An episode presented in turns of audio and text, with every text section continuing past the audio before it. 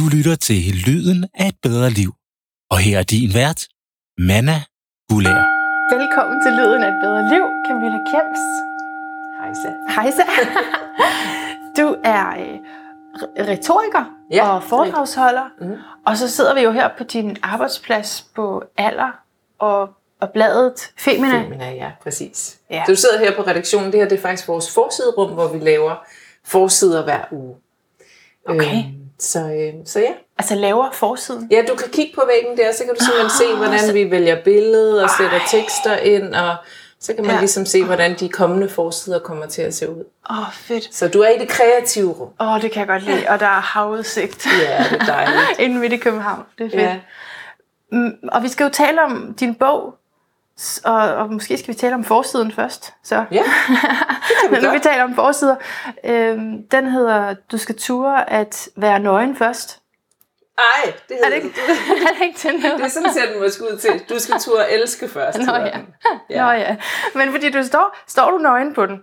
Øh, ja, billedet er jo faktisk, altså man kan selvfølgelig ikke se, at jeg har en BH på, jeg lige har trukket ned, ikke? Nå. Eller en top, jeg lige havde trukket ned over skuldrene. Men ja, det ser jo ud som om, at jeg er nøgen fra ja. lige over brystet og op. Ja. Øh, og det har vi valgt, fordi at det er jo en bog, der handler om sårbarhed. Ja. Så det handler jo om at turde møde sig selv nøgen, og som et menneske, der både fejler, øh, og selvfølgelig også elsker og er bange for at elske. Og, altså, så den handler meget om at, at turde klæde sig selv af, og øh, se sig selv dybt i øjnene, ja. øh, og turde være i den sårbarhed, fordi der ligger en masse styrke i den sårbarhed, når man tør det. Øh, og det er jo det hele bogen handler om, at ja. jeg har kæmpet mod den sårbarhed, øh, som mange mennesker gør. Mm. Mm. Øh, og fordi jeg har været ramt af depressioner, så jeg har selvfølgelig hele tiden prøvet at flygte væk fra mørket, i stedet for en gang og for alle at gå ind i det og mm. undersøge det, og så kunne komme ud af det igen. ja. Og i hvert fald lære at leve med både det mørke og det lyse i mit liv. Så det er derfor, jeg har valgt at ja, fremstå nøgen og sårbar på forsiden, i stedet for tjekket og make og i smart tøj. Jeg vil også gerne sige tak, fordi du har skrevet bogen. Altså, den er virkelig, virkelig god, og jeg har, har jo bare sådan fået gåsehud lige fra det det allerførste kapitel, Nå, det er øh, for. fordi den, ja, den er virkelig stærk. Det er en oplevelse. Og det er jo også det, der har været min hensigt, at den, selvom den tager udgangspunkt i mit liv som kvinde, så var det jo i den tro om, at rigtig mange kvinder har det ligesom jeg. Ja. Altså det er måske mere et menneskeligt vilkår at gå igennem de ting i livet, som jeg også har gjort. Så derfor, Ja. jeg tager udgangspunkt i mig selv, men bogen handler forhåbentlig lige så meget om dig, Ja. når du læser den. Det Ja, det gør er i den. hvert fald det, der er tanken. det, man sidder sådan og tænker, åh, sådan er det også. Ja, præcis. Ja, og det er jo også det, der, som, og nu skal vi snakke lidt om astrologi og horoskop her om lidt, ikke? så det er også det, som i den filosofi, at det du ligesom selv har været igennem og, og kæmpet med, jamen det er det, du bliver god til at lære andre mm. om, eller være talerør for. Ja, præcis. Præcis. Det er jo en lang pilgrimsfærd, kalder jeg det selv. Ja. Jeg er 44 år nu, det er ja. en del yngre. Men, men det tager jo lang tid at finde alle de der lag i sig selv, ja. og kæmpe små kampe, og nogle ting øh, skubber man ned under, under gulvtæppet, indtil buen bliver så stor, så man skvatter i den. Ikke? Wow. Altså, så det er jo det her med, Ja. at det er min pilgrimsfærd, som jeg ligesom lægger frem her, min Ja. mentale pilgrimsfærd. Og det er den, som jeg håber, andre kan spejle sig i, mm. og måske også få nogle små aha-oplevelser undervejs, ligesom jeg selv har fået, når jeg Ja. har mødt nogle forskellige mennesker, der har inspireret mig. Ja, og, ja, og bogen er mennesker, der har inspireret dig, eller interviews med mennesker, der inspirerer dig også oven i købet, ikke? Så man Jo. får ligesom øh, fleres indfaldsvinkel til det her. Og jeg synes også, det ligger sådan lidt tidsånden, det med, at vi, vi vil ikke ligge under for kun coveret længere, vel? Vi vil Nej. ind bagved, og vi vil gerne ture og være os selv, uanset hvilken pilgrimsrejse, ikke? Jo, præcis. præcis. Tror, altså, det er jo svært at få tid til at læse bøger efterhånden. Ja. Der er så meget, vi skal nå. Der er så ja. mange tv-serier, vi gerne vil se. Ja. Så jeg synes jo også, når man så endelig fordyber sig i en bog af den her slags, som ja. jo er en... Altså, nogen vil kalde det en selvhjælpsbog. Det synes jeg jo ikke, det er. Jeg synes, det er en selvacceptsbog. Ja. Øh, fordi der er ikke nogen hurtige quick fixes til at blive øh, lykkelig og så videre. Men, øh, men det der med at lære at acceptere sig selv og lære at acceptere de vilkår, som livet byder en. Ja. Øh, og de glæder og sorger, der følger med det at være menneske. Ja. Øh, så når man fordyber sig i sådan en selvacceptsbog, så synes jeg også, man skal øh, grave dybt. Altså synes jeg, man skal have noget for pengene. Så skal jeg ikke sidde fedt med mine følelser, eller, eller kun øh, give overfladen væk. Så skal man ligesom, så skal man gå derned, hvor det også øh, sviger lidt en gang imellem. Ikke? Så der er jo nogen, der kan synes, at øh, heldigvis er der ikke nogen, der synes, den har været for privat bogen. Men jeg går jo meget dybt, og jeg Ja. taler om seksualitet, og jeg taler om, når jeg har været rigtig langt nede og har haft angstanfald. Mm. Så på den måde blotter jeg jo dele af mig selv, Det gør du. som for nogen måske kan virke øh, ikke grænseoverskridende forhåbentlig, men i hvert fald nogle af de ting, man virkelig ikke taler om i det daglige liv. Det, minder det, vi mig- går alene med.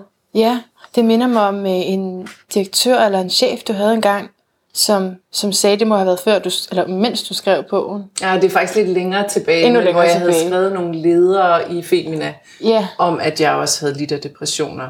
Ja, så det var før jeg skrev bogen. okay, ja. Men jeg havde været offentlig omkring, at jeg led af depressioner. ikke? Ja, for det, det bruger du så i et spørgsmål til, når den bliver interviewer, altså hvor at, at den her chef har bedt dig lige drosle lidt ned, eller måske ja. bare lige passe på med, hvor meget du viser af dig selv. Ja. Og det kan man jo godt forstå. Altså, Ja, ja, han sagde, at han bare gerne ville give mig et råd, og jeg skulle måske passe på med at blotte mine svagheder for ja, meget. ja. Og det var jo kærligt ment, Ja. det råd. Øh, jeg er bare ikke en type, som har lyst til at blotte mine svagheder, og i virkeligheden nok mest, fordi jeg har erfaret, jo mere jeg forsøger at gemme mine svagheder væk, jo mere fylder de. Så du, nu sagde du lige, du har, at du ikke er en type, der har lyst til at blotte dine svagheder. Sagde du det? Øh, nej, gemme dem væk. Ja, ja, det er det. Ja, ja, ja. præcis. Jeg har ikke lyst til at gemme dem væk, fordi jeg synes egentlig, når jeg forsøger at fortrænge noget, Ja. så kommer det til at styre mig mere. Yes. Øhm, så jo mere jeg ligesom bringer svagheder frem i lyset, jo stærkere er jeg faktisk. Og den her bog han, handler også om at, at lede sig selv. Ja, det er det i bund og grund, den gør, ikke? Ja. At tage ansvar for sit liv og lede sig selv. Må jeg lige hurtigt sige noget om dit horoskop? Ja, det er jeg jo spændt på, for jeg har aldrig fået lagt et horoskop før. Nej, og, og de fleste siger nej, eller altså jeg, jeg plejer, der er rigtig mange af dem, jeg har interviewet, som også lige har fået lagt sådan et, et kort eh, horoskop af mig, men ikke hvor jeg har gjort det sådan on air, og det har jeg fået lov til med dig. Ja, det har du. Så det, det er en gave til mig. jeg har og sagt det hele i bogen, så Ja, der er jamen, det er det. ikke noget, du kan sige. Det er jo faktisk det ikke også, fordi det er en personlig ting, men jeg tænkte, der, hvad mere? Der kan ikke være, altså, den Ja. er så personlig og privat, og altså på den gode måde, Ja, ja. den bog. Øh, men det er en gave for mig, og faktisk så er det her jo også en øh, gave til lytterne, fordi det her, det er, det er lige inden juleaften, at Ja. den udkommer. Ja, det er rigtigt. Så, så det her lille faktisk sådan, ja, det er sådan en julegave podcast, det her. Og så hvis man held- ligesom mig aldrig har prøvet at få lavet sit horoskop, kan det jo være, at man bliver nysgerrig på det, hvis du Ja, altså kan fortælle mig Det er noget, det. der passer. Ja, det, Som jeg det er synes, også det, jeg holder vejret, mens jeg taler nu. Ja. Jeg har udvalgt tre ting, fordi ellers så, så stikker det helt af, så, så kan jeg fylde alt for meget med det her. Men jeg har udvalgt tre ting, som ja. jeg synes er især spændende. Mm-hmm. Og det sjove er jo, at der er rigtig meget i det her horoskop, der kalder på selvkærlighed. Fordi i vores horoskop, så er der sådan nogle udfordringer, og så kan man sige, hvad skal man gøre for at overkomme det? Ja, Og der er mange af tingene, som handler om at, øh, at tage vare på sig selv. okay. For eksempel, solen i 12. hus. Ja, Solen i 12. hus har du faktisk. Øhm, det betyder, altså 12. hus, det er sådan bag scenen. Det er sådan det, det ubevidste, det underbevidste. Mm-hmm. Og, øhm, og, og, og ja, mørke, altså det kan faktisk være svært at se sig selv, hvis man har solen i 12. hus, uanset tegnet, du er så tyr. Ja. Øh, men, men det er sådan set, altså bare det, at solen er i 12. hus, så øh, kan det være svært at afgrænse sig selv, og man kan også hurtigt, altså man er meget interesseret i psykologi typisk, Mm, ja, det og, også. og man kan hurtigt komme til at lege psykolog for andre, Ja. og faktisk være lige så god som psykolog, Ja. uden at være uddannet det. Ja. Øh, men hvor det ikke, det går ikke den anden vej. Det er mere sådan dig, der kommer til at være det. okay. Øhm, og, og det er måske noget med den der grænseløshed, at det kan være svært sådan lige at, at få sat de der grænser. Mm-hmm. Så det er, når man har det, så er det helt klart også en invitation til at gå ind i nogle praksiser, som gør, at man kan mærke sig selv mere. Så giver det så mening, jeg skriver jo meget i bogen om det her med, at jeg faktisk har haft svært ved at tage, sætte grænser. Mm. Altså at jeg hurtigt lader mig styre af andre menneskers behov. Kan det, have noget, altså, kan det hænge sammen med det også, eller hvordan? Det kan det, fordi der er noget, som jeg ikke kan se ved mig selv. Så hvis ikke vi har helt, altså, hvis Ja. jeg ikke kan mærke, hvor jeg selv er henne, så er det klart, så fører jeg måske mere ind i andre. Det kan også være følelsen af at være lidt sådan en loner, og måske en følelse af, at jeg har brug for at være mere alene, for det er også, sådan, det er også huset for isolation, altså faktisk. Ja. Det er sådan det sidste. Det kan jeg godt hus, ja. genkende. Jeg har virkelig brug for at være alene. Ja. Altså, ikke, ikke meget, men altså, øh, sådan ret jævnligt brug for at trække mig tilbage, for at kunne mærke mig selv. Ja, Øh, for ellers så, så, så mister jeg ligesom fornemmelsen af, navigation, hvor skal jeg sige ja, hvor skal jeg sige nej. Øhm, Ja. og jeg bliver overloadet, fordi jeg hele tiden mærker efter, hvor alle andre er. Ja. Og det kan være ret udmattende. Ja. Og måske vi så for den anden- den anden- næste ting, jeg vil sige, var faktisk i forhold til vægtens tegn. Og det er meget det her med, øh, at vil please andre. Ikke? Du Ja. skriver som hensynsbetændelse. Ja. Øhm, og altså det er vægtens tegn i hvert fald en slagside af det tegn. Men, men du har så Uranus i vægten. Okay. Og det betyder, at altså fordi vægten vil gerne finde harmoni og fred. Egentlig. Det er egentlig det, der er formålet med at tilfredsstille andre hele tiden. Ikke? Ja. Men at du har Uranus der, det står for frihed, og det står for at altså en stærk vilje til at være 100% mig selv. Ja. Så, så du er nødt til at være 100% autentisk for at kunne finde harmoni. Så Ja. kan man oversætte det. Det er faktisk meget præcist. Og man kan jo sige, jeg har tænkt lidt over, det kan man jo sige, det passer på alle. Er det ikke sådan, man skal være sig selv for at finde Men for dig er det bare et tema. Det, det Ja. her står ikke for alle. Det for dig er det et stærkt tema, som også må have været svært at komme hen til den accept af, at jamen, jeg, mm, jeg skal, det er faktisk et overdrevet behov for at være sig selv.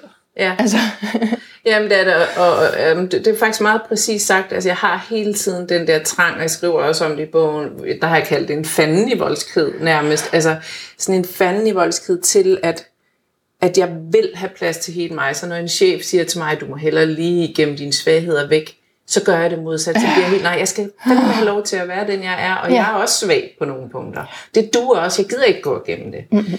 Øh, og det er jo det, der også har drevet mig i mit job som chefredaktør, og i alle de ledere, jeg skriver i bladet. Det er jo hele tiden at bryde de tabuer omkring, hvordan man bør være, i stedet for bare at være menneske, og være den, man er. For jeg overgår ikke at kæmpe mod det længere. nej. Øhm, så det er, det er virkelig et livstema for mig. Jeg vil nærmest sige, det er et livsformål for mig. Ja, Også at kæmpe for, at andre mennesker Ja. kan være den, de er. det er også derfor, jeg siger tak. Fordi du er jo ikke er hvem som helst. Altså, du sidder, du har jo, og det er du også opmærksom på i bogen, at du har sådan en rollemodels funktion, ikke? Altså, Jo. øh, du har noget af en platform at tale Ja, ud fra, så ja. derfor er det, det var så godt. Men det er jo dejligt, at det er i horoskopet. Ja, så det jeg, står hvor også i det kommer horoskopet. Fra, for jeg har altid undret mig lidt over det. Det er jo, altså, det er sjovt med horoskopet, at det er jo ikke noget nyt for os, Nej. men det er bare, det giver bare lige noget at få det beskrevet, altså sådan, Ja. det der, nå ja, det, det er derfor, Så det er er sådan, det, Uranus i vægten. det er det, ja. Øh, ja, jeg har sådan et fint billede her til dig med det hele. Ja, det men, men den sidste ting, jeg vil sige, ikke? Ja. så er det nummer tre. Øh, og jeg kommer ikke til at nævne, det gør jeg altid sådan lidt, hvis der, hvis der er for få punkter, så siger jeg lige, det nævner i hvert fald ikke, at der også er Saturn i første hus, som kan gøre, at man bliver sådan lidt arbejdsnarkomanagtig, og i hvert fald har rigtig, rigtig meget øh, selvdisciplin også. Nå, har jeg det også? Ja, det har du også, okay. Men det nævner jeg ikke. Øh, så, men du har månen i jomfruen, Mm-hmm. og øh, det er faktisk, grund til at nævne det, er, fordi det er sådan meget øh, redaktørtegnet jomfruen. Nå. Det er sådan, at man går op i detaljer og være rigtig god til at forbedre ting, fordi jomfruen er både jord, så det er sådan stabilt, ligesom du er med tyren, mm-hmm. øh, men det er også bevægeligt, så det har den her forbedrings, du vil gerne altså forbedre de altså, små ting, det er også, altså Mm. med kurt, så det er også øh, med kommunikation. Så, så, Okay. og, og at månen er der, det betyder, at du bliver følelsesmæssigt næret af at gøre sådan de små ting bedre. Okay. Og det er også service, det er også at servicere andre, Ja. øh, men der er en detaljeorienteret orienterethed. Det er så det eneste, jeg måske ikke helt kan genkende. Nej, okay. Øh, men, men det kommer jo an på, hvad man lægger i detaljeorienteret. Ja, For jeg tænker jo sådan helt fysisk, i altså når jeg arbejder, er jeg meget den, der får idéer, og du ved, mm. og så er jeg videre, og så lader jeg andre om detaljerne. ah, ja. På den okay, måde, ikke? Okay, ja. Øh, men, men man kan sige, jeg kan jo godt være detaljeorienteret med livet, kan man sige. Altså at jeg, øh, jeg kan godt lide, at livet skal leves ordentligt, eller være meget bevidst om, øh, om det er den rigtige vej hele tiden. Men hvis ja. det Ja. sådan er detaljeorienteret i forhold til at lave et produkt færdigt, Okay, ja. sidder og nørde detaljer og kommer og sådan noget, så bliver jeg er hurtigt utålmodig. Så er jeg sådan lidt vup, videre. Nej, okay. Så, så hvad hvis det sådan er med analyser og modeller og sådan noget? Kan du godt lide det? Det ved jeg egentlig ikke. Okay. Der er mange muligheder fordi Ja, ja, det det, er inden for det her tegn. Nå, så, hvad så med det der med at servicere andre? Altså at have sådan, og, og på en praktisk måde godt kunne lide at gøre ting for andre. Altså på en måde blive næret af at gøre ting for andre. Jo, det gør jeg. Altså, jeg, jeg kan også rigtig godt lide at være leder. Jeg kan rigtig godt lide mm. at være noget for andre mm. mennesker og være med til at udvikle dem. Øh, jeg er ikke sådan en service-type, som altid har styr på, om at der ser perfekt ud, eller at kaffen er klar, når mm. gæsterne kommer, mm. eller sådan på den måde. Nej. Øh, jeg er ikke særlig ordentlig faktisk. Men jeg, jeg får meget næring ud af mine sociale relationer, og at andre har det dejligt, og at jeg kan hjælpe dem. Ja, okay. Nå, det må vi ind i en længere læsning for yeah. at finde ud af. Men yeah. i hvert fald så vil jeg lige nå nævne også, at den står i opposition til Venus, som er, at... Øh, altså det kan give et stærkt behov for en partner, faktisk bare i det hele taget. Altså ja. at, at det kan være lidt svært at være alene og på et tidspunkt i dit liv. Ikke? Mm-hmm. Øh, og, og og derfor kan det også have været nemt at overse nogle fejl ved partneren, ja. øh, fordi man så gerne vil være sammen med en. Ja. Og så det var bare lige for at sige, at der er igen et stærkt kald på, på selvkærlighed, før man træder ind ja. i ja. Det er jeg fuldstændig enig i. Og det er jo faktisk det, en stor del af min bog også handler om. Ikke? Altså også det her med, hvordan man kan lade sig forføre af kærligheden, og dermed viske sig selv ud. Yeah. Øh, fordi man øh, bare øh, hengiver sig fuldstændig til det der håb om, at når i tosomheden, der ligger min redning, der ligger svaret, ja. han gør mig helt. Og så kommer man både til at se igennem, som du siger, med nogle, ikke fejl, altså der er jo ikke fejl med mennesker, men, men med nogle ting, hvor man burde i hvert fald have sagt fra, ja. eller sagt, prøv at høre, det bryder mig ikke om, jeg kan bedre lide det sådan her. Ja. Øh, og det har jeg været slem til, at, at viske mig selv ud, eller at lade, fortabe mig selv i kærligheden. Ja. Så jeg lige pludselig en dag vågnede op og tænkte, jeg er ikke lykkelig. Ja. Øh, og det er jo mit eget ansvar at sørge for, at jeg er lykkelig i et parforhold, for der er jo ikke nogen, der kan tankelæse, hvad man ønsker af kærligheden, heller ikke ens nærmeste partner. Ikke? Nej. Så, øh, så, det, så det har i hvert fald været en vigtig lærdom for mig. Er der noget med at gå op i detaljer i, i forhold til, til partner? I, forhold til partnerskaber og forhold? Og, mm, nej, det er der faktisk ikke. Nej, jeg skal lede lidt længere. Jeg tager det med hjem jeg tror faktisk, jeg er en af de, de kvinder, der er allernemmest at være sammen med, bilder jeg mig selv ind. Ej, jeg ved det også fra min kæreste og min eksmand, at jeg er absolut ikke en, der Nej, nej, men det er så godt. og nakker over alt muligt. Det er godt. Kun mig selv. Jeg er hårdest med mig selv. Det kan være, det er det. Altså, det er Saturn i første hus. Ja. Der er du super hård ved dig selv. selv. Ja. Ja. Og meget, meget, meget øh, barmhjertig og stor hjertet over for alle andre. Ja. ja. Dem Nå, kan jeg sagtens jo... forstå, kan begå fejl med. Ikke mig selv. Ikke, nej, nej, overhovedet ikke. Men sådan tror jeg, der er mange, der har det. Ja, det er det. Og det er jo så det, når du så får lys på, på mørket, ikke, hvor solen ja. er. Nu skal jeg nok langsomt træde ud af de astrologiske symboler, ja. men altså, så er det jo så, at man kan gøre noget ved det. Fordi ja. det er tendenser i os, men, men når vi så ligesom bliver klar over dem, Ja, så kan vi det er jo rigtigt, noget, ikke? det der med at lyse på de steder, hvor man ikke fungerer, eller hvor der er mørke, det, ja. det får mørket til at opløse sig. Ikke? Ja. Og så siger du, at man kan elske sig selv med tilbagevirkende kraft. Ja. Jeg elsker den sætning. Er det ikke vildt? Jo, og jeg tænker, om du ikke vil læse det op jo, for os, fordi det, det er sådan en del af sådan et, et sted, hvor det er bare så utroligt godt skrevet også. Det er jeg glad for, at du kan genkende. det er i kapitlet om mod, Ja. Ja. Der skriver jeg.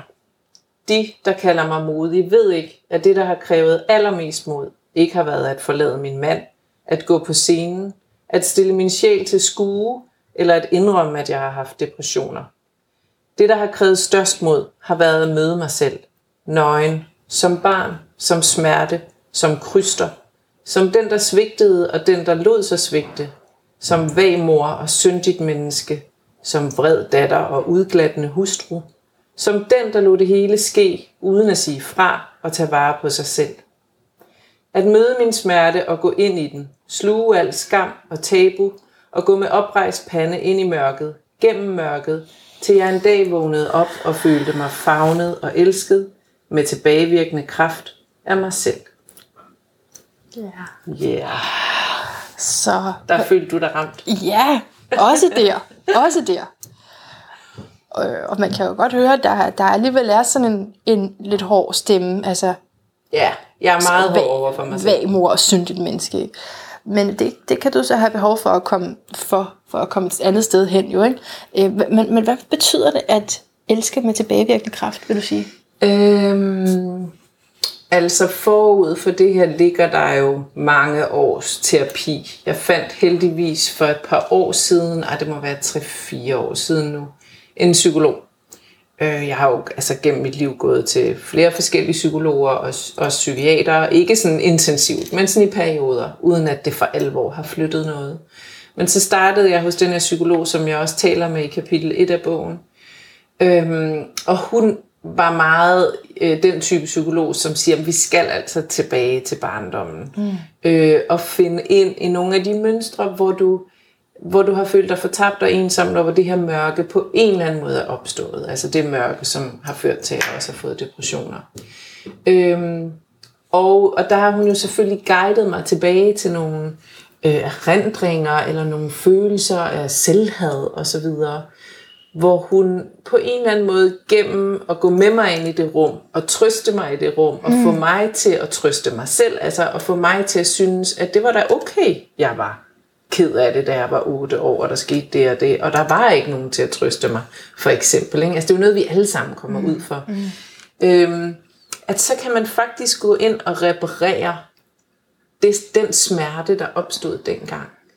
Øh, og ved langsomt at komme igennem den øh, pilgrimsfærd, det har været i, altså hvorfor er det, mit sind arbejder, som det gør, hvorfor har jeg været så fyldt med selv, selvhad og selvbebrejdelser og dårligt selvværd i virkeligheden. Ikke? Jeg har jo ikke synes jeg var værd at elske.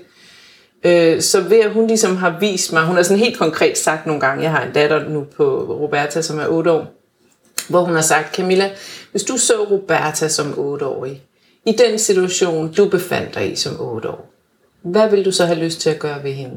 Så siger jeg, så vil jeg jo tage hende på skødet, og jeg vil vugge hende, og jeg vil kysse ja. hende, og jeg vil fortælle hende, at hun var dejlig, og at jeg elskede hende. Så siger hun, ja. så gør det med dig selv. Og så simpelthen gå ind og visualisere mm. det. Og det lyder jo så terapinørdet, og dem, der hedder psykologi, vil jo bare have lyst til at kaste op, når jeg fortæller det her.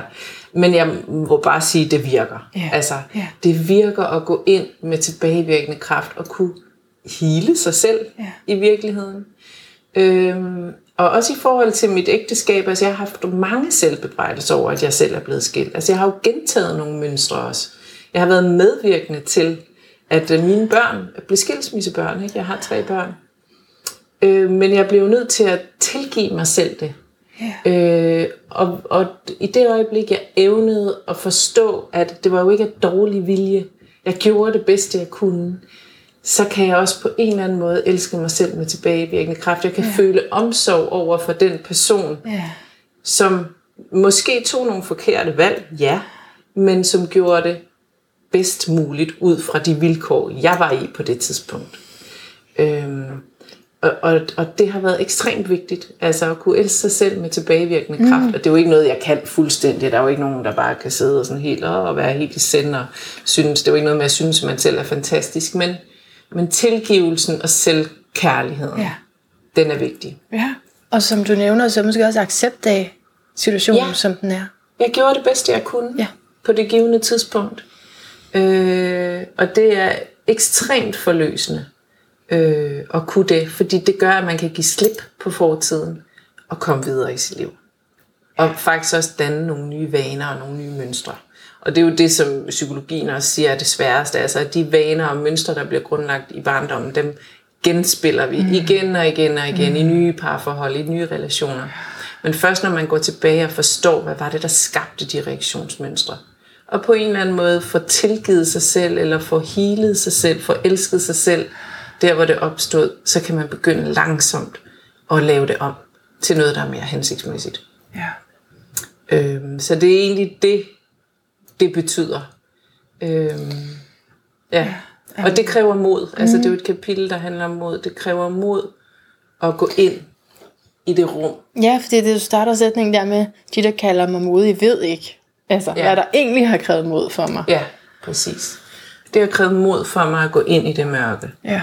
Øh, jeg er jo meget modig på mange andre måder. Altså ved at jeg kan stille mig frem, eller ja. jeg har været sanger inden mange år, eller sådan noget, som andre vil synes kræver mod. Ja. Jeg tør så ikke alt muligt fysisk sport, sådan noget, men, men, men, men det indre mod er jo det sværeste.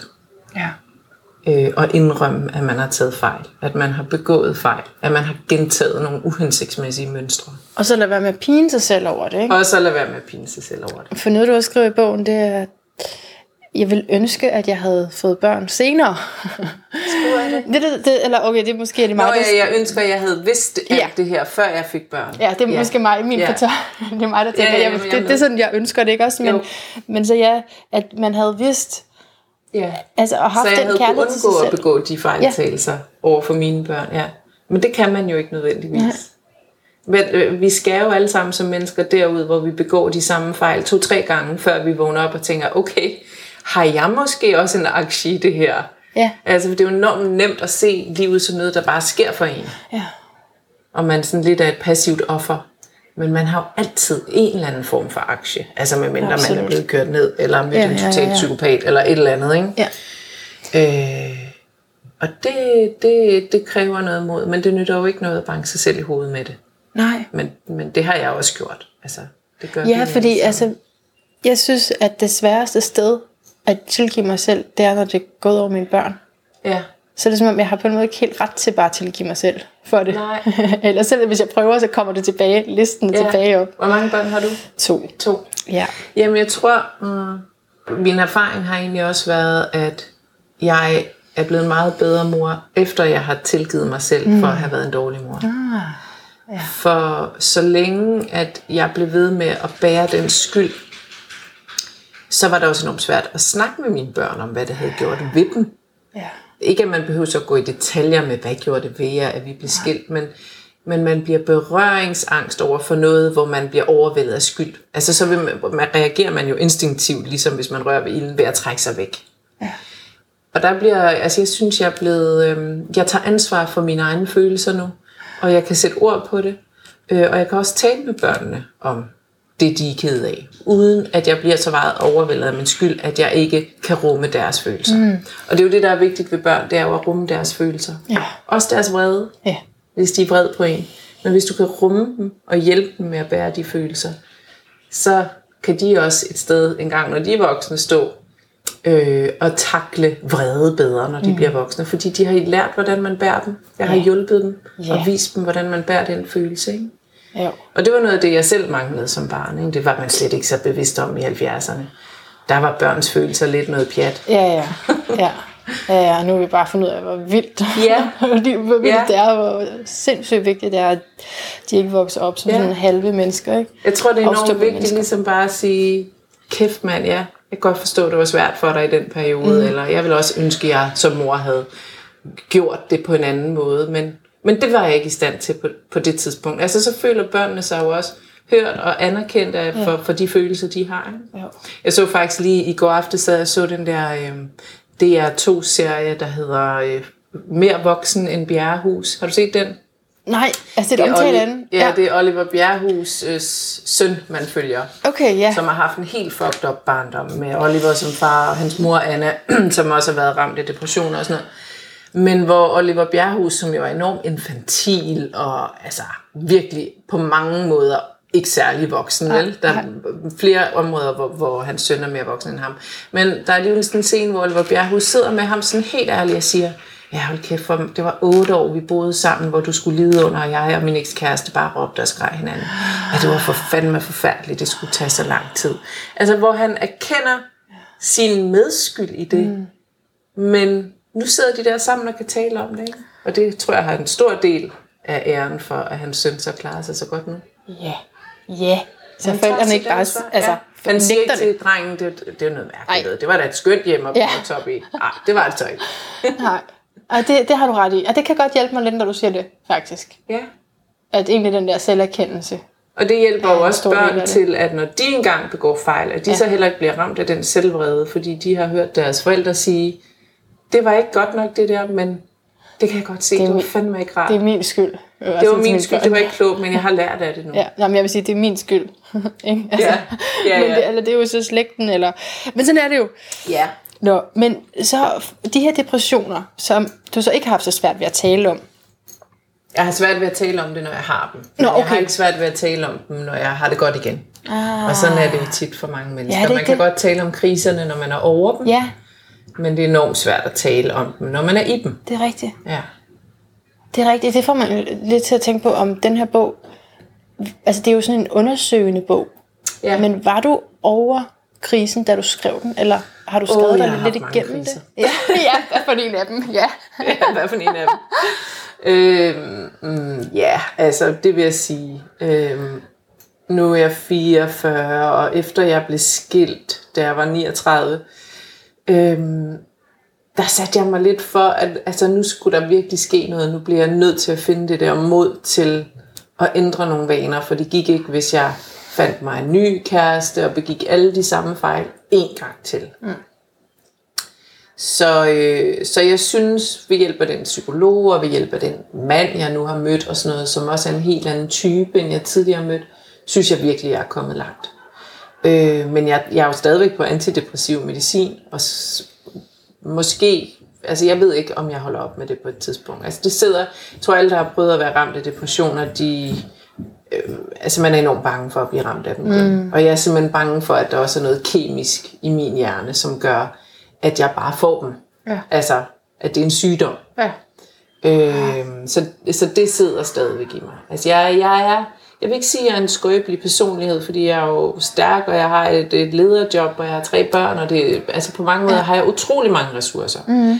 Men jeg skal være meget opmærksom på, at jeg har et anlæg for mørke og for depression. ja. Øh, så på den måde er jeg ikke over det. det. Det er noget, jeg kommer til at skulle leve med altid. Det er faktisk også Saturn i første hus. Så har man typisk mange Okay. depressioner. Bare, lige for, bare lige for. Jeg kan ikke lade være med at tænke i de der symboler der. Nej, nej, har- men det, men det giver jo også meget god mening. Altså, at jeg kan mærke, at det er et, et Altså det er sådan et underliggende scenarie i mig selv, jeg bliver nødt til at forholde mig helt til hele tiden, for jeg kommer lynhurtigt ud på en glidebane, hvor jeg så kan få det dårligt igen. Ja. Og det kan jo godt være det der, som du siger, med ikke at kunne mærke sig selv, eller ikke kunne afgrænse sig Helt selv. sikkert, ja. At det bliver, puha, det bliver for voldsomt Ja. på en eller anden måde. Ja, så, så du advokerer egentlig for, at man mm, tager noget medicin for sin depression, eller hvordan håndterer ja. du det der med, at jeg er både rollemodel, og jeg taler om det højt, mm. men det er ikke fordi, jeg vil anbefale det, eller, eller, eller hvordan? Altså det er jo, det er jo det? virkelig sådan en varm kartoffel og et brandvarmt emne, det her med, med medicin, øh, antidepressiv medicin, og der er jo rigtig mange, der er imod det, øh, fordi de mener, det er en placeboeffekt, og der er mange, der mener, at det er, der er nogen, der kan få det dårligere af det, og det kan være afhængighedsskabende, så det, jeg er jo ikke, altså jeg er jo ikke øh, psykiater, og jeg for, har aldrig forsket i det, så jeg kan jo kun tale ud fra min egen erfaring. Mm, mm. Men jeg tror, at hvis man som mig har depressiv anlæg, som er blevet udløst i en tidlig alder, så kan jeg bare sige, at det har været en kæmpe hjælp for mig. Mm. Og det er ikke en placeboeffekt. Jeg har prøvet at trappe ud mange gange, og jeg har også øh, haft år, hvor jeg ikke har været på medicin. Men det kommer tilbage. Øh, om jeg har ikke nogen bivirkninger, bivirkninger af medicinen, så der har jeg jo også været heldig. Ja. Men jeg kan jo ikke sige, hvordan det er for andre, og jeg, og jeg vil jo også give fuldstændig mange ret i, når de siger, at bare fordi man, der er jo mange, der siger, at jeg er så deprimeret, hvor de egentlig bare er nedtrykte, eller Ja. i sorg, eller um, er ked af noget helt konkret. Så hvad er det for en depressionsform, du taler om? Øh, for mig er det jo helt kemisk, at min hjerne simpelthen lukker ned. Øh, jeg kan ikke se farver nærmest, altså verden bliver sort-hvid. Øh, jeg befinder mig i sådan en osteklokke, som, hvor jeg nærmest ikke kan nå verden. Altså, øh, og så får jeg også angstanfald. Så først bliver jeg langsomt deprimeret, og så efter et stykke tid begynder jeg at få angstanfald. Panikangst. Mm. Øh, og, så, altså, og det er jo fuldstændig lammende. Så, øh, så, Ja, så det er det- sådan, det opleves for mig. Mm. Så det er jo ikke nødvendigvis perioder, hvor jeg er ked af noget. Nej. Eller hvor jeg er i sorg. Eller, altså jeg har både mistet min far og hans kone og mine svigerforældre. Altså jeg, så jeg har prøvet at være i sorg masser af gange. Det er ikke det, jeg taler om. Det forstår jeg godt. Ja. Det er noget helt andet. Det er noget helt andet. Ja. Øh, og, og, og der har været, altså jeg havde flere episoder, før jeg kom på medicin, hvor det sådan, så fik jeg det bedre, og sådan gennem teenageårene. Men så kom der en episode, hvor jeg bare ikke fik det bedre. Ja. Og så hjalp medicinen mig, og nu er det jo så bledag en del af min dagligdag. Jeg tager den, altså, den mindste dosis, man overhovedet kan tage. Ja, ja, ja, ja. Så måske er det lidt placebo nu, men det giver mig tryghed. Ja, ja, og placebo er også en effekt jo. Altså, det Ja. skal man ikke heller ikke underkende. Jeg synes i hvert fald, det er den kæmpe effekt. enkeltes valg, og Ja. så længe Ja. at jeg mærker, at det fungerer, og at jeg ikke gør noget ulovligt, så, øh, så synes jeg ikke, der er noget galt med det. Men, men, jeg, men det er bare, selvfølgelig skal man ikke bare tage medicin. Nej. Det er der jo ingen, der bare skal. Nej. Nej, også fordi så har der jo så også alle de her stemmer, som jo hjælper til at så kaste lys på det, som du også kalder årsagen til dine problemer. Ikke? Mm. Øh, fordi du, du skriver dermed, da du begyndte at tage medicin, at det var et, et skældsættende øjeblik, fordi Ja. du lige pludselig kunne, kunne se ting igen.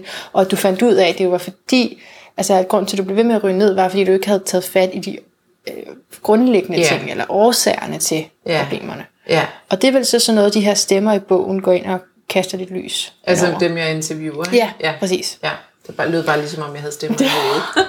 det har jeg ikke. Men øh, ja, de her interview, Ja, ja. ja, altså, fuldstændig. ja, jeg har jo delt bogen op i Det skal forskellige... ikke gøre dig værre end det er. Nej, det er det. øhm, jeg har jo delt bogen op i nogle forskellige værdier, hvor jeg taler en i forhold til ærlighed, og jeg taler med en præst i forhold til øh, øh, accept, altså som meget handler om accept af livets vilkår, og jeg taler om, om øh, lyst. Øh, Ja. Nydelse kalder jeg det, ikke? Og altså, så jeg har alle de her, så ja, de går ind og belyser de her områder. Altså, jeg tænker også på hende, øh, Helene Dam. Ja, det er præsten, jeg taler Det med er præsten, accept om. ja. Hvor hun siger, at depression ikke er et tegn på, at dit liv, dit liv er mislykkedes. Mm. Men tværtimod, så er depression et tegn på følsomhed og intensitet, og noget, man absolut skal respektere. Ja. Øh, Hvad tænkte du, da jeg hun sagde det? Ja, men, jamen det, det jamen både over, altså jeg synes, det er, der er jo den her tese om, at depression og depressive mennesker ofte også er meget kreative mennesker. Mm. Altså der er jo mange store kunstnere i verden, Ja. som har haft mentale sygdomme. Ja. Øh, så på en eller anden måde synes jeg jo, det er dejligt at høre, at, øh, at depression også hænger sammen med, at man er et særligt sensitivt menneske. Øh, men jeg tror ikke nødvendigvis, det behøver at være sådan. Altså, jeg, der er jo også noget kemi i hjernen, som mm. bare kan være i ubalance. Ja. Øh, men jeg tror, som, hvis vi taler om depression sådan inden for det almindeligt menneskelige spektrum, hvor vi ikke kommer ud i svære psykiske sygdomme, så er det jo rigtigt nok, og der har jo været meget fokus på det her med at være særligt sensitiv, altså at det kræver en stor grad af selvbevidsthed, eller en stor grad øh, evne til at fortrænge, hvis, øh, altså, når man er sådan et menneske, altså, jeg ved ikke, det handler jo om, at man får mange indtryk ind hele tiden, ikke? og hvis man ikke er god til enten at fortrænge dem, eller at ligesom rubricere dem i nogle kasser, så kommer det til at vælte en omkuld. Ja. Øh, ja. Så man skal være meget selvbevidst i hvert fald. En, en anden en, tror jeg, er, måske er det hende Audun der, der siger, øh, at uanset hvor mange vitaminer vi spiser, så er kroppen i færd med at dø. Ja. Den synes jeg er så god. Er det ikke smukt? Jo. Det lyder jo grusomt. Men han, ja, det, han er faktisk en mand. Nå, det er en Audun. mand. det er en Audun, ja. Men det er jo ikke til at vide, han er nordmand og Nå, mand. ja, ja. Øh, ja, han siger, at uanset hvad vi gør, hvor meget motion vi dyrker, hvor sundt vi spiser, så er det ligesom et vilkår, at vores krop er i færd med at dø. Ja. Altså, vi bliver født, og fra det øjeblik, så vokser vi selvfølgelig op og modnes, men så forfalder vi jo. Så er vi jo langsomt i gang med at dø. Øh, Men er det ikke sjovt, fordi når vi taler om depression og hvad der ligesom kan løse det, så, ja. så er det på en måde opløftende Ja. at, at tale om, jamen, vi skal alle sammen dø, og det er noget, der er ved at ske med mig. Eller sådan. Præcis. Ja.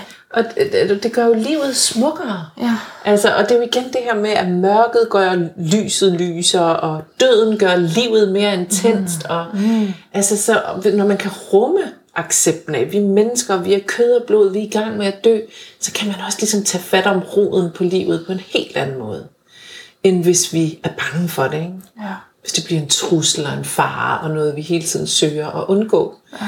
Øh, og der er jo masser af kontrolmennesker lige nu, som løber maraton og som mm. gør alt muligt i en, en stedig insisteren på, at de i hvert fald ikke skal blive gamle, og de i hvert fald ikke skal dø lige forløbig.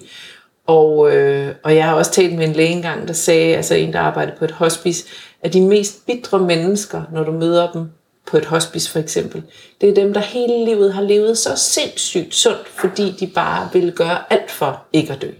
Så bliver de så bitre over, at de også kan blive ramt af en sygdom. Mm. Og nogle gange skal man også selvfølgelig, og det siger Audun Myski også, man skal selvfølgelig holde sig sund og rest, så man kan være noget for dem, man elsker. Men, men man skal også leve. Ja. Øh, og hvis du bruger hele livet på at fornægte døden, eller døden, så ender du med at blive meget skuffet, fordi du skal dø. ja. Der er ikke nogen vej udenom. Så. Jamen, det er rigtigt. Man kan godt have sådan en, Ej, nu har jeg gjort så meget, Ja. så kan det heller ikke passe, det skal ske Jeg for mig. har holdt mig fra fedt, og jeg har ikke spist sukker, og jeg har holdt mig fra ja. og jeg ærligt. motion, motion. Det er fandme uretfærdigt, at jeg skal få kraft. Ja, Ja. ja. sådan er livet. Det er det. Det er jo forfærdeligt, men sådan er det. Sådan er det også at forvente billedet, altså ligesom se det som, jamen livet er en øh, serie af problemer, der skal løses i virkeligheden, Ja. ikke? Hele tiden. Jo, og, og, Og nogen kan man så ikke og, og løse. vi er ikke Gud. Altså, det er jo også det, vi taler om, at, at vi mennesker tror jo i dag, at vi er Gud, at vi kan styre alt. Så vi har enormt svært ved magtesløsheden. Vi Mm. har enormt svært ved at acceptere, at alle kan blive ramt af sygdom, og det er pisseuretfærdigt. Og ingen har fortjent det. Mm-hmm. Altså, jeg tror også, det er Helene Dam, der siger, at det der forfærdelige udtryk, hun tabte kampen til kraft. Ja. Som om det er en kamp, man kan vinde. Ikke? Altså, vi kan ikke acceptere, at det er en bunduretfærdig sygdom. Det hun tabte kampen, hun var ikke stærk nok. Ja, det er Hun har faktisk nok ret gjort frygteligt. noget forkert. Ja, I stedet for nej, hun, hun døde af kræft. Hun døde af en sygdom. ja. Hun tabte ikke nogen kamp. Hun døde. Altså, Ja, sådan har vi flere udtryk. Nu kommer jeg til at tænke på det her, sådan, sådan endte det for dig, at du fik en depression. Eller Ja. jeg havde ikke troet, det skulle ende sådan for dig. At Ja. du, altså, uden at vi snakker om døden, men for eksempel, at man får en depression. Det er, Ja. det er sådan, jeg har hørt omtalt før, og det synes jeg er en meget en ærgerlig måde at sige det på. Ikke? ja, også som om, at det er slutningen Ja. på alt. Det, det, det, det, der er mere. Det var en del af livet. Der kommer mere. Ja, det er en del af livet, ja. at vi kommer ned nogle gange. Ja. Men har du noget, fordi jeg har sådan en masse citater, jeg synes er spændende, mm. men har du noget, som, hvor du sådan tænker, det inspirerede mig faktisk rigtig meget, så meget, at jeg, jeg bruger det. Ja, altså jeg tror, at mange af de her øh, ting, jeg skriver om i bogen, har jeg arbejdet med i mange år. Altså min depression og min angst. Men noget af det, som var den, det største aha-oplevelse for mig, da jeg skrev bogen, det har været øhm, hele et issue med altså fællesskab. Jeg har et kapitel, der handler om fællesskab. Øh, og jeg har egentlig altid set mig selv som en enspænder. I virkeligheden nok, fordi jeg har været bange for at elske. Altså jeg har været bange for at tro på kærligheden, og jeg har følt mig tryg i ensomheden. Så jeg har også nogle gange valgt ensomheden som sådan en brynje mod skuffelser. Så da jeg sad øh, på et tidspunkt til kapitlet om nydelse, sad jeg og interviewede en øh, professor, en dansk professor, der arbejder på Oxford Universitet, og han studerer i, altså han er, er hjerneforsker. Morten? Ja, Morten Kringelbak. Han er hjerneforsker og forsker i nydelse. Hvad sker der i hjernen, når man nyder? Og han siger, at det hænger meget sammen med fællesskab også. Men han spurgte mig så under middagen om aftenen, efter interviewet var færdigt, så siger han, Camilla, når du nu er angst, hvad er det så egentlig, altså hvad er det, der ligger i den angst? Hvad er det, du er bange for, dybest set? Ja. Øh, og det har jeg jo spurgt mig selv mange gange, men jeg har aldrig helt kunne sige, hvad det var. Fordi så siger man, at jeg er bange for at miste kontrollen og sådan noget. Ja, men hvad sker der så, hvis du mister kontrollen? Ja, du ved, så det klarer jeg jo nok. Men lige pludselig slog det jo mig, at det, jeg er angst for, det er jo at være frit svævende. Altså at være, blive opslugt fuldstændig af sådan et mørkt rum, hvor jeg er frit svævende, og hvor ingen kan nå mig. Det vil sige, det er jo den totale ensomhed, den totale isolation. Så hele den rolle, jeg havde altså, sat mig selv i som den her lonesome rider, der kræftede man nok skulle komme frem i verden alene, og jeg har ikke brug for nogen mennesker til at støtte mig. Og hele den forsvarsposition, jeg havde bygget op, det var faktisk den, der skabte den angst. For jeg havde jo isoleret mig fra, fra en tæt kontakt med andre mennesker. Ikke? Og det var derfor, den også hedder at ture elske først. Altså jeg har virkelig skulle ture elske igen. Ja, hvad ligger der i det der først? Fordi når jeg har, jeg har talt med folk om dem, så kommer de også til at freestyle lidt på titlen. Ja, det, der er mange, der siger, at du skal turde elske dig selv først. Ja, sådan noget. Ja, og det, det er faktisk ikke det. Jo, det, det kan man også sige, at jeg har jo også skulle lære at tilgive mig selv, og som du taler om, selvkærligheden. ikke? Ja. At det skal, det skal man også kunne for at kunne elske andre. Men i virkeligheden handler det om, at, at kærlighed er ikke en handelsvare. Altså kærlighed handler ikke om, at jeg tør først elske dig, når jeg er sikker på, at du elsker mig tilbage. Yes. Jeg skal i virkeligheden turde elske først. Altså jeg skal turde gå ud i verden med hjertet forrest. Mm. Jeg skal elske og elske. Jeg skal elske og elske andre. Fordi det er en fantastisk fornemmelse. Og fordi i det øjeblik, jeg kan det, så kan jeg også rumme mig selv. Jeg er ikke bange for, hvad andres reaktioner er. Jeg hviler i mig selv. Jeg, jeg, jeg giver glædeligt ud af kærligheden. Og i det øjeblik, jeg var i stand til at gøre det, oplevede jeg også, at jeg kunne forbinde mig på en helt anden måde med andre mennesker. Altså det kærlighedsforhold, jeg har med den mand nu, er på et, på et helt andet, øh, et helt andet dybde, end det har været tidligere. Det er måske også noget modenhed, der ligger i det, ikke? Men, men øh, altså jeg tør elske mennesker, og de behøver ikke elske mig igen. Og det er en fantastisk rigdom at have. Ja. Så du skal turde elske først, altså som den første. Du skal turde sige til en mand, jeg elsker dig. Også selvom han ikke har sagt det til dig endnu. Eller måske siger han det slet ikke. Mm. Eller til en kvinde, du møder og beundrer. ikke at man skal slynge det om sig, men du ved, følelsen af, jeg giver kærligheden ud, jeg hengiver mig til kærligheden. Altså, det er ubetinget. Og det er ikke en, ja, det er en ubetinget, og det er ikke en byttehandel. Nej. Jeg skal ikke øh, være sikker på at få noget igen, fordi så holder man jo igen. Ah, ja. Jeg skal lige se, og hvad nu hvis han ikke elsker mig igen? Ah, jeg må hellere lige sikre mig her, og jeg har lige en bagdør herover med en anden fyr, der også er lidt på hold, fordi så, du ved, hvis vi nu taler i, i kærlige Ja. relationer. Ikke? Ja, og netop i romantiske relationer Ja, kan, romantisk. kan det godt være sådan ret øh, bevidst eller udspekuleret, men i andre forhold, så forestiller man egentlig, at det ikke er noget, man på den måde planlægger, men bare man sådan kommer til, at det bliver sådan en vane, at man holder lidt igen. Ja. Og holder lidt, fordi hvad nu hvis Ja, hun ja, ikke det er kan sådan en default position, ja. Man hele tiden holder lidt igen. Ikke? ja. Ja, og jeg henviser jo også til en, en amerikansk forsker, der hedder Brené Brown. Jeg ved ikke, om Ja. du har set hendes. TED-talk. Jo. Ja. Hun har lavet den fantastiske TED-talk, der hedder... Øh, Det handler om mod, ikke? og Øh, brave. vulnerable og, og sårbarhed. Hun har lavet to. Men der har hun jo forsket i, hvad dem hun kalder wholehearted people. Ja. Altså helhjertede mennesker. Hvad er det, de kan, som andre ikke kan? Og det er blandt andet at kunne elske først. Øhm, at kunne sige, jeg elsker dig først. Jeg tror virkelig, at det, det, det, der, det er jo med til at ændre vores tidsånd, eller sådan, ikke? Mm. at der kommer en så stor stemme, som siger det ud mm. til rigtig, rigtig, rigtig, rigtig mange mennesker, ja. som føler det samme, Ja. men som bare lige har manglet en, der, der sagde det. Ja. Ikke? Og det, det, hun jo siger, er jo så også baseret på en hel masse statistik. Ja, det er jo empiri. Ja, Hun har ja. lavet, øh, jeg ved ikke, hvor mange interviews med, ja. med alle mulige mennesker, som lever i rige. Og, og så det har været en øjenåbner for mig, og også jeg researchede jo så på en masse viden omkring fællesskab, og i virkeligheden er, altså, er jeg virkelig ikke særlig fællesskabsorienteret. jeg er lidt øh, en enspænder. Men alle undersøgelser viser jo, at de mennesker, der bliver ældst i verden, det er ikke dem, der ryger mindst. Det er dem, der har flest fællesskaber.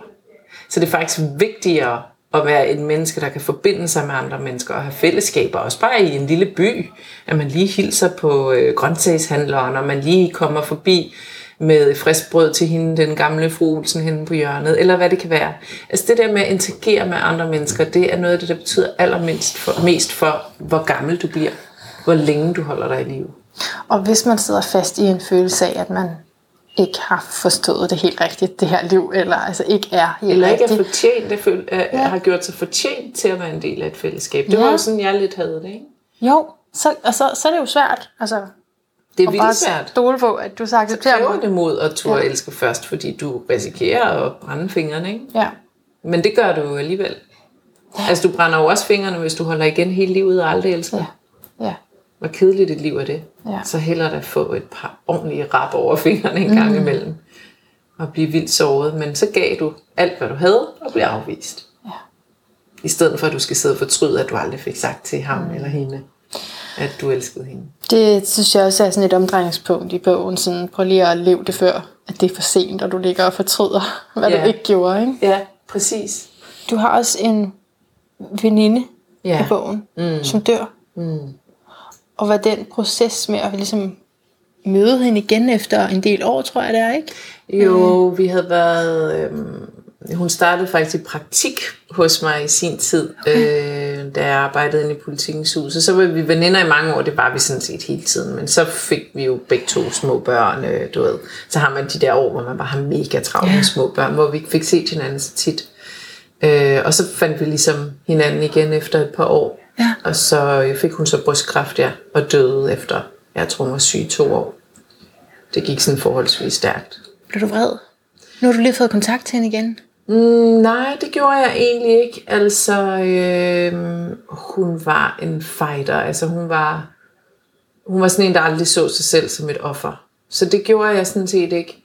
Øh, hvis der var noget, jeg egentlig blev vred over i den sammenhæng, var det mere, hvor svært mange har med at takle det. Altså, jeg oplevede sådan set til sidst, hvor hun lå på hospice, at jeg var den eneste af hendes veninder, der kom og besøgte hende på hospice.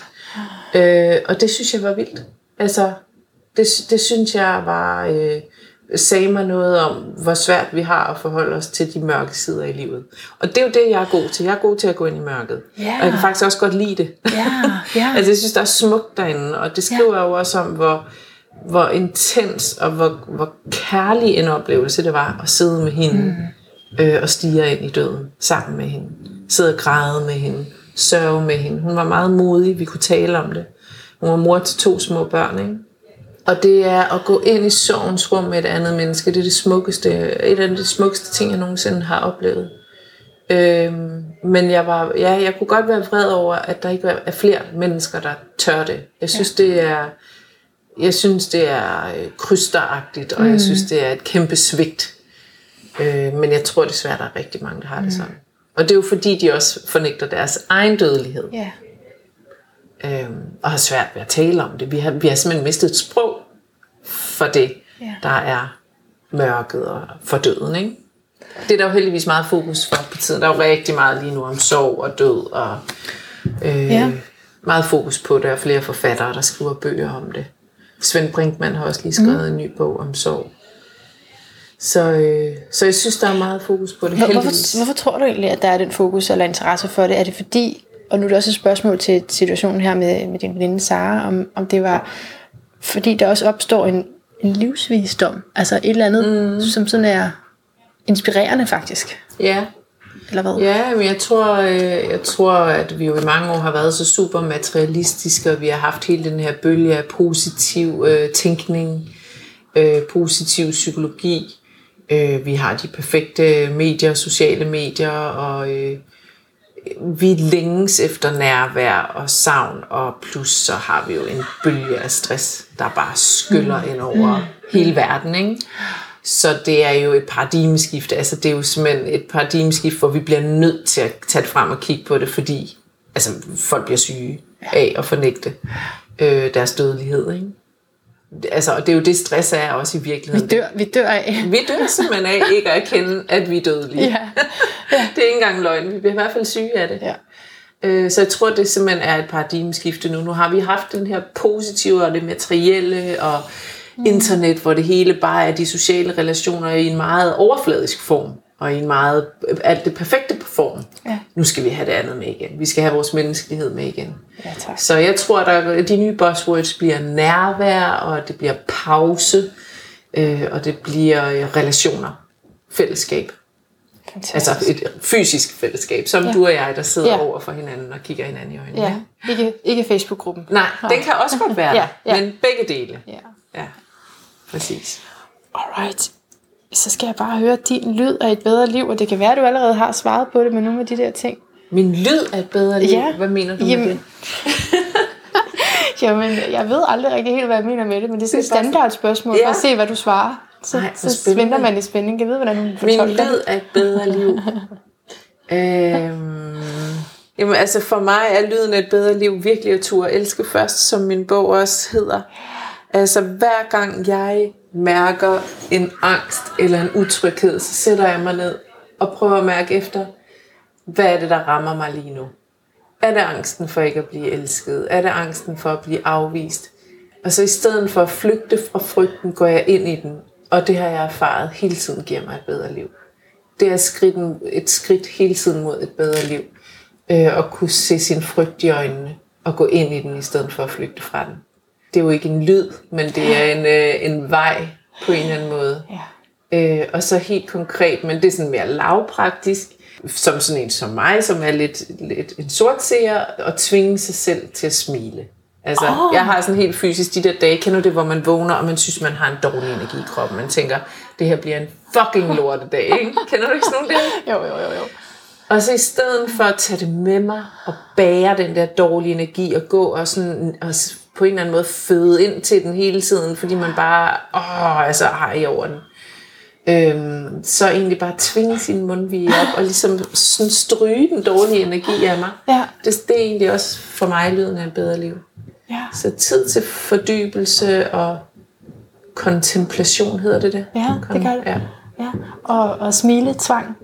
Ja, tvangssmile. Men det er fordi, at det er, det er kan noget med, at jeg har opdaget, at jeg kan ændre min energi. Præcis. Fra tung Ja, det kan man jo. til let. Ja. Øh, og det er faktisk en teknik. Ja. Mere end det er, det er ikke noget hula bula. Det er simpelthen en teknik.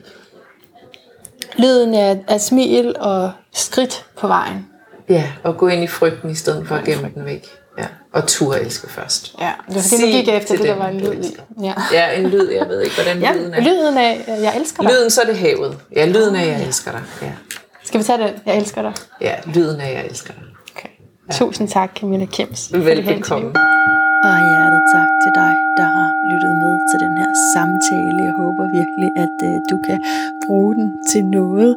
Og især hvis du har sådan lidt en nede periode. Nu ved jeg ikke, hvornår du lytter til den her juleaften. Er jo, kan, det kan jo være et bud, og for nogen er det heller ikke verdens mest fantastiske stund.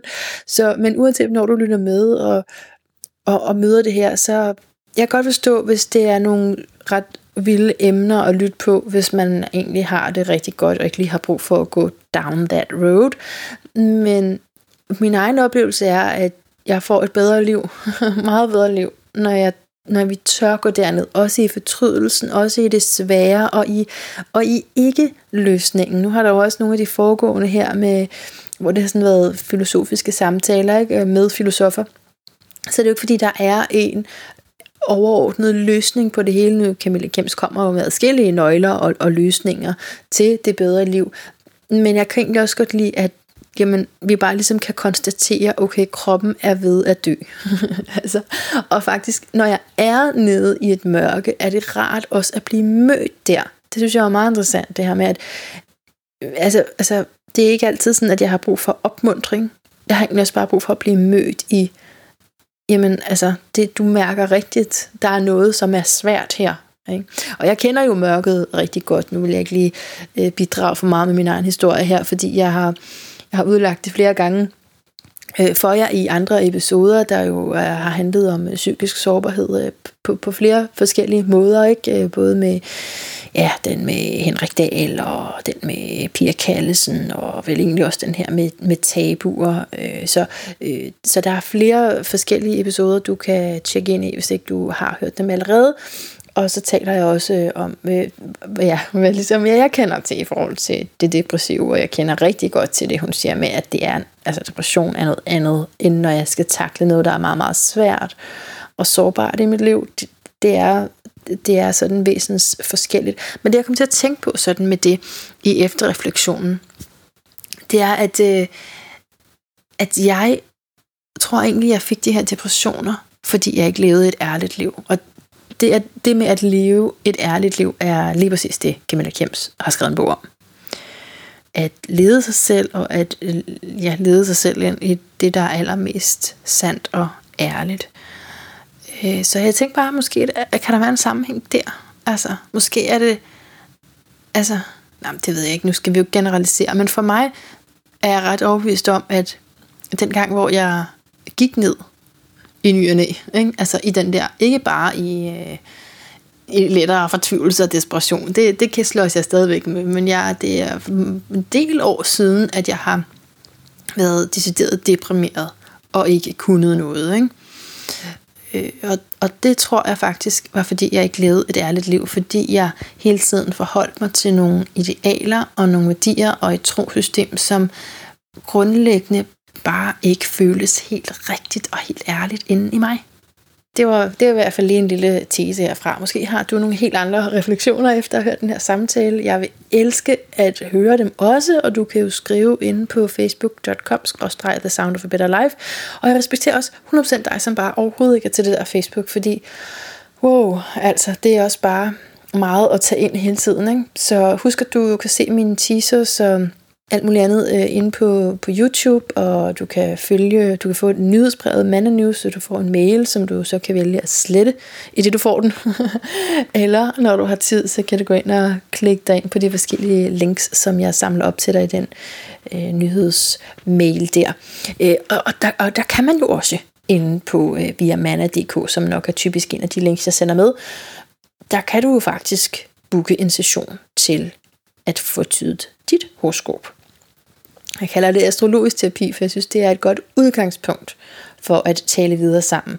Der er jo nogle ting, som ikke vil være helt præcist, og, og jeg lå mig også gå voldsomt meget på af efterfølgende, at, at Camilla Kems ikke helt kunne genkende min udlægning af hendes øh, måne i Jomfruen. Vi talte om to forklaringsmodeller på det bagefter. Enten at tiden ikke er helt præcis, og så kan månen jo altså ligge i et andet tegn.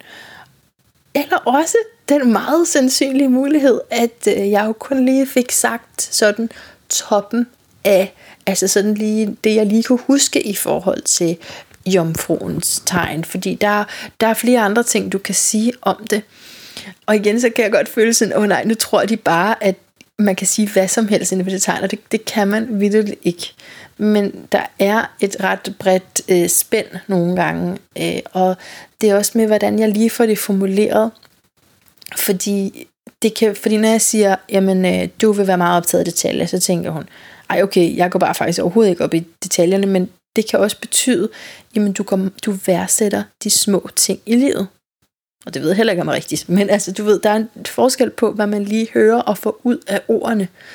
Så, øh, så det, det er meget ofte astrologens skyld, når det er, øh, at man ikke kan genkende sig selv i det, fordi jeg simpelthen ikke lige har adgang til de ord og de formuleringer og den dybde, der er i tegnet, som vil kunne gøre det levende for den, der har det i sit horoskop.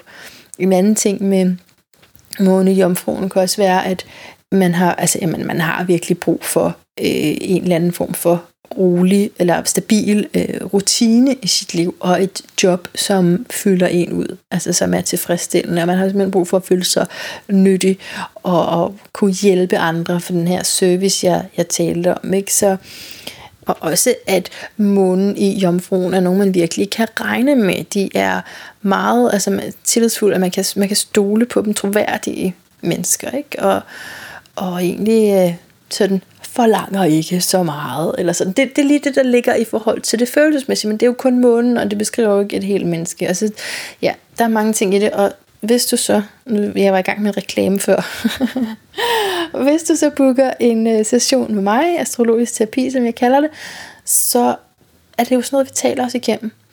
Og hvis det vidderligt ikke passer, når jeg har, har gjort alt, hvad jeg kunne, så må vi prøve at lege med, om vi kan rykke tiden. Fordi det er ikke sådan, at jeg bare skal have 9 ud af 10 rigtige. Altså det hele skal passe. Og når det ikke passer, så er det som sagt, fordi jeg tit ikke formår at få dybden frem i det, og at jeg jo heller ikke kender tegnene til bund, så at, at jeg lige skal læse et par bøger endnu, for at kunne, kunne give dig præcis det, det handler om for dig. Øh, eller også så er det fordi, at øh, der er noget med fødselstidspunktet.